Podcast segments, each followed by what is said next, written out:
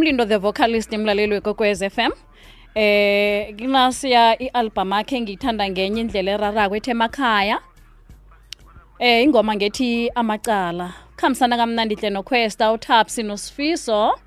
Emrhatshweni omkhulu ikwekwez m kukhanya ba. Ilisumi nantathu imzuzu ngemva kwesimbi yesumi eh 13 minutes past 10 o'clock. Ungarareka ngisho vane sisebenze ngesimbi yesithathu ngamasa. Eh ngiyabona ke emkhumbulweni ka-JD kunalokho. 13 minutes past uh, 10 o'clock. Eh kuyinyanga yentuthi ngiyathemba na kanjani ke mlaleli wekwekwez FM bona isakuphethe kamnandi. Lihlelo ngimnawe sidisha soke.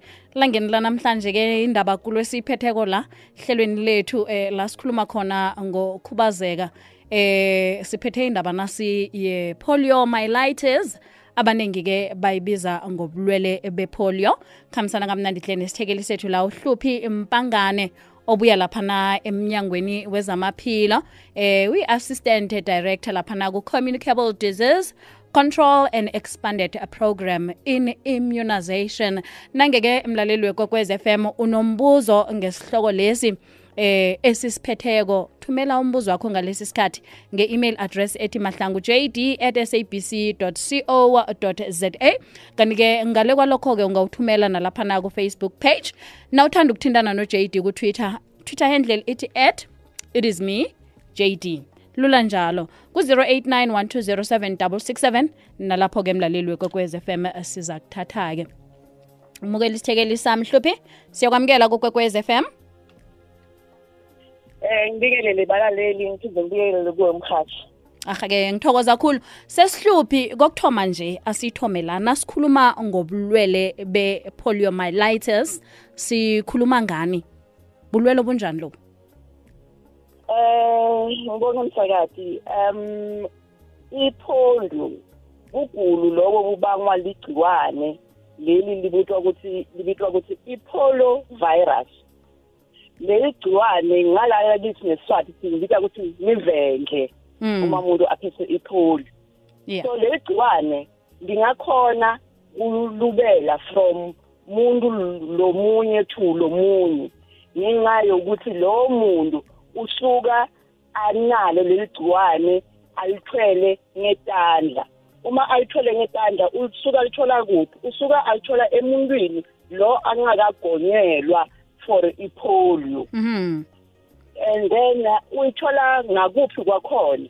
Angayithola etu kwe mastools yalawo yalowo muntu lo angakagomeli for leli gciwane lepolio and nasemandini uma kuthi bake bangcolisa lamanti nge-mastools ukuba acontaminated bese nako lamanti abese ayalithwala leli gciwane ngoba liyakhona kuphila isikhathi eside emandini. And then nawe nokudla uma umuntu angasiyentela kudla kube akakagezi kahle etandla and la etandleni ubambe lama-stools accidental ngoba i don't think umuntu angabamba ama-stools accidentally bese uba nawo bese uprepare kudla uyasinga angakagezi isandla. Yiyo le ndlela le ingaspreada ngalo ligciwane le-polio uma lingenile la emtimbeni uma umuntu bese ulidlile liyangena la emtimbeni wemuntu kube se kuba nekuphazamiseka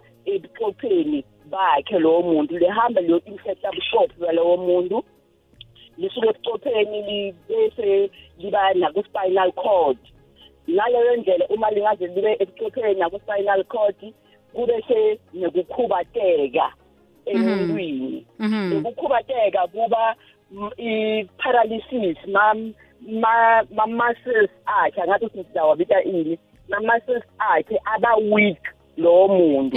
And ye imisipha yebo. Uba weak umsipha wakhe and then uma kuthi akasakhoni ukuphakamisa even nendolo encane nje ngelikomishi angakhoni ukuyiphakamisa and then lesinye timbawu uma umuntu asanda kungena in the first ten days uma lingenile legcikwana lemtimbeni uba nokushisa kwemtimba abe nemphimbo lobuhlungu angaphinde futhi ahlale ave akhathele lowo muntu abe nenhloko lebuhlungu abe futhi nemgogodlo wakhe ubebuhlungu netinyawo netanda ngobe kusuka ku-affecte i-brain leli gciwane selisuka ku-brain naku-spinal cord. Njengoba le misipha itoba se-iba affected and then lo buhlungu lo muntu atokuba kutoba bubukhulu. Mhm. So rage nayo wehlanayo njalo ke eh ehluphi. Kunengifuna ukukwazi ukuthi eh ubulwele lobu bepolio buphatha abobani buphatha abantwana buphatha abantu abakhulu? Nofana ke njani? Ngakho usihlathulele usihlalisele yona kuhle? Eh bulwele bepolio bungaphatha umntwana bungamphatha nemuntu lomdala kubo bonke labantu bangibabalile bangaphatha ngoba basuke bangakagonyelwa. Singumpumalanga department of health na-south africa yonkana nawo umgomo walabantwana wepolio Yeah. uthola umntwana uma atalwa awuthole ku-six weeks awuthole ku-ten weeks awuthole ku-fourteen weeks aphinde awuthole ku-eighteen months. Uma angayithola yonke le migomo umntwana angeke abe nalo leli gciwane lipholo limbambe libe seliyamgulisa umuntu lomdala lo angakaze wagoma for loyo polio leyo angaba nayo ipolio noma Okay. se amdala especially bantu labasuka etindaweni la bangagumi khona bese nganene bangakhona kusindlulisela leli gciwane uma bathola ukuthi umphakathi wethu awukakagonywa Mhm. so kubalulekile ukuthi bahlale bebantwana nalaba bahlala nebantwana bagomise bantwana emtholampilo. Umgomo asibhadali umahala ha kwakho kumikisa mntwana bahlengikazi bakhona emtholampilo bazokuchazela ukuthi according to i-road to health booklet umletha nini nanini nanini umntwana kuhle kuhle i- ubulwele lobu bepoliomyelitis eh buphatha umuntu ongakaza abuhlabele. Yebo. Izwakala kamnandi.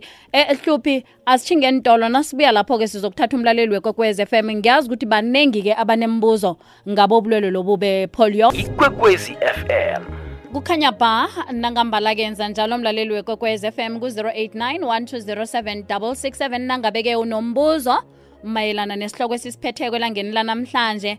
La sikhuluma khona ngobulwele bepolio. Ungangithumela ne-email kumahlangu jd at sabc co za nalaphiyanyana-ke ku-facebook page yekwekwez fm iba masumi amabili mzuzu nembili ngemva kwesimbi yesumi 22 minutes past uh, 10 o'clock. Usemoyeni ngiyakwamukela.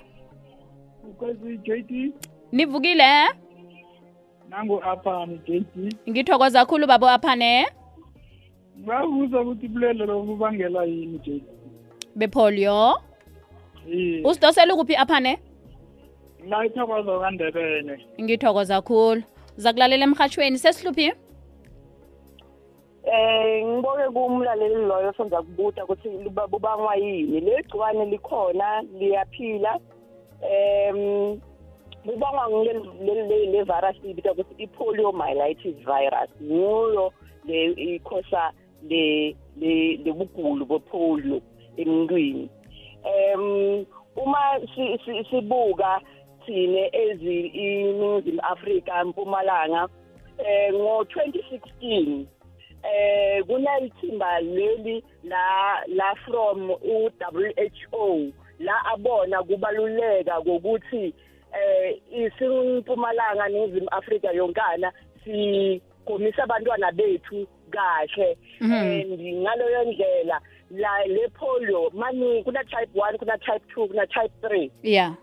So kule mshikashika lobo ukhona ukuthumela i-data and then bese bayabuka because sinalokhu sikubita ukuthi i-surveillance.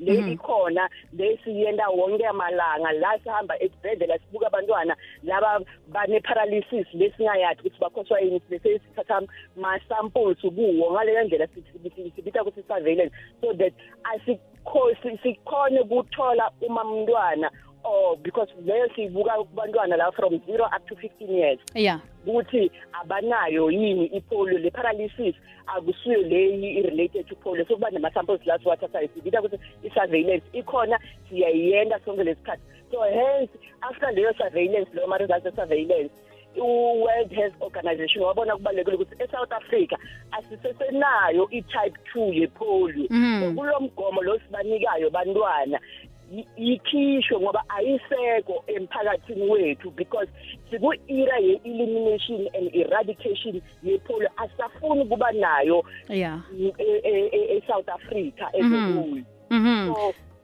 ngaleyo ndlela sesisele na-type one na-type three. Le nayo sisemshikashikeni wokuyiqeda Mhm. ingasabi khona ngaleyo ndlela ingaze iphele le data yethu ye-surveillance isikhombe ukuthi bantwana they are no longer affected.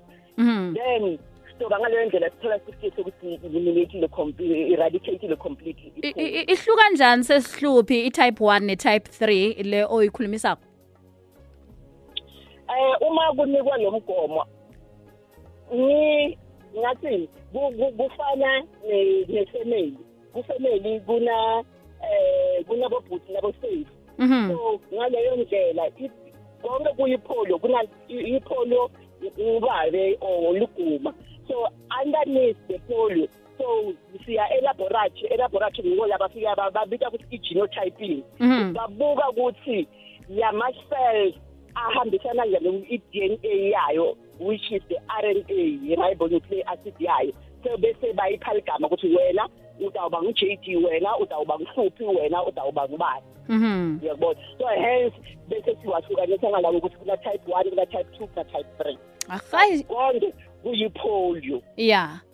Iyezwakala. Sithatha omunye umlaleli kwekweze lo akwande sithokoze jedi nivukile? Kwamnandi dadodwa ngujama mahlangu. Angazi ngizwakala kuhle na eyi ngisemkopane ngiyazwakala. uzwakala kamnandi khulu jabu. Hlabela phambili. Yes. ragela phambili jabu siyakuyizwa? Jabu? Ya nokho-ke usilahlekela ukhe washo ukuthi hayi khona usendabeni. Kwekwezi lotshani? Hello nivukile? Siyaphila njani? Ngivuka kamnandi nami. Ngikhuluma nobani kuphi? Ngubani yena? Ngithanda ukungazisho okay no name?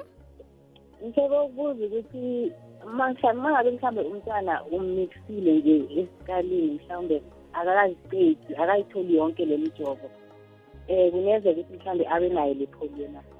Mhm siyathokoza sithando sami. All right. Sesihluphi? Eh ngi- ngibonga kumlaleli.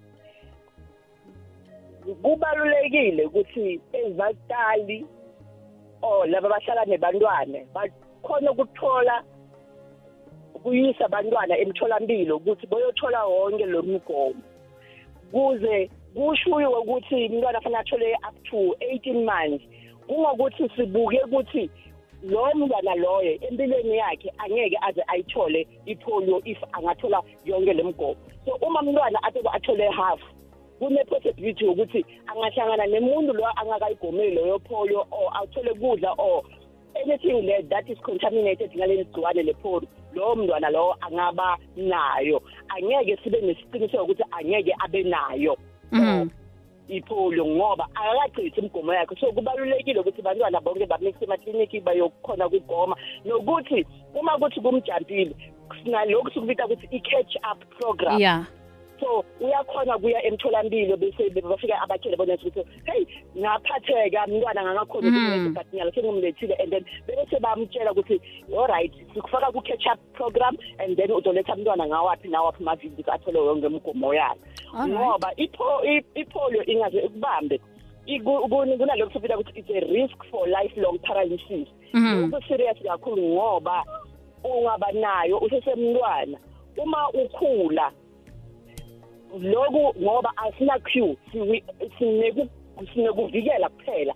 Asinawo kula asikhona ukulapha. Lokhu sikhona kukulapha kunetimpawu. Uma Mhm. une-paralysis kudonika i-treatment for leyo paralysis leyo. Mhm. uma ingahle uyibone ngathi uyaphela kuyadiphenda ngemuntu ngesimo semtimba semuntu masetshe yemtimba yemuntu kunalaba uma angaba nayo ibe seyiyaphela but kunalaba angaba nayo lokukhubateka akupheli kuba impilo yakhe yonke. Hmm. and sometimes ungambona nyalo ukuthi ngathi u-right 50 between 15 na 40 years zingakusiza ukuthi zivele leti mpawu Hmm. so ngako kubalulekile ukuthi simixe bantwana bayobo bagoma for ipholo ngoba lokukhubateka kuyenta ukuthi umuntu angakhoni ukutendela tinto the way afanele atendele ngakhona. Kube kungakhona kuvikeleka lokho. Sesihluphi?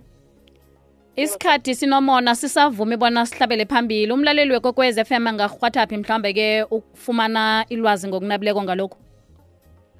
Um bangangithola ku-013 755 5111 alright. I-ofisi la- inomboro yase-ofisi labo sesihluphi sithokoze khulu kwamambala ukhulumisana nawe elangeni lanamhlanje la kukwekwez FM ngibonge kakhulu umhathi ngiphinde ngibona nakubalaleli. Aha jama lapha-ke mlaleli wekwekwez m ihlelo lethu la besikhuluma khona ngokukhubazeka elangeni lanamhlanje besikhuluma ngobulwele bepolio sikhambisana nohluphi mpangane. Buya laphana emnyangweni wezamaphilo esifundeni sempumalanga um uyi-assistant director ku-communicable diseases control and expanded program in immunization. Kwanje asitsheje unzotho ngewumo lendaba. Ikwekwezi fm emalahleni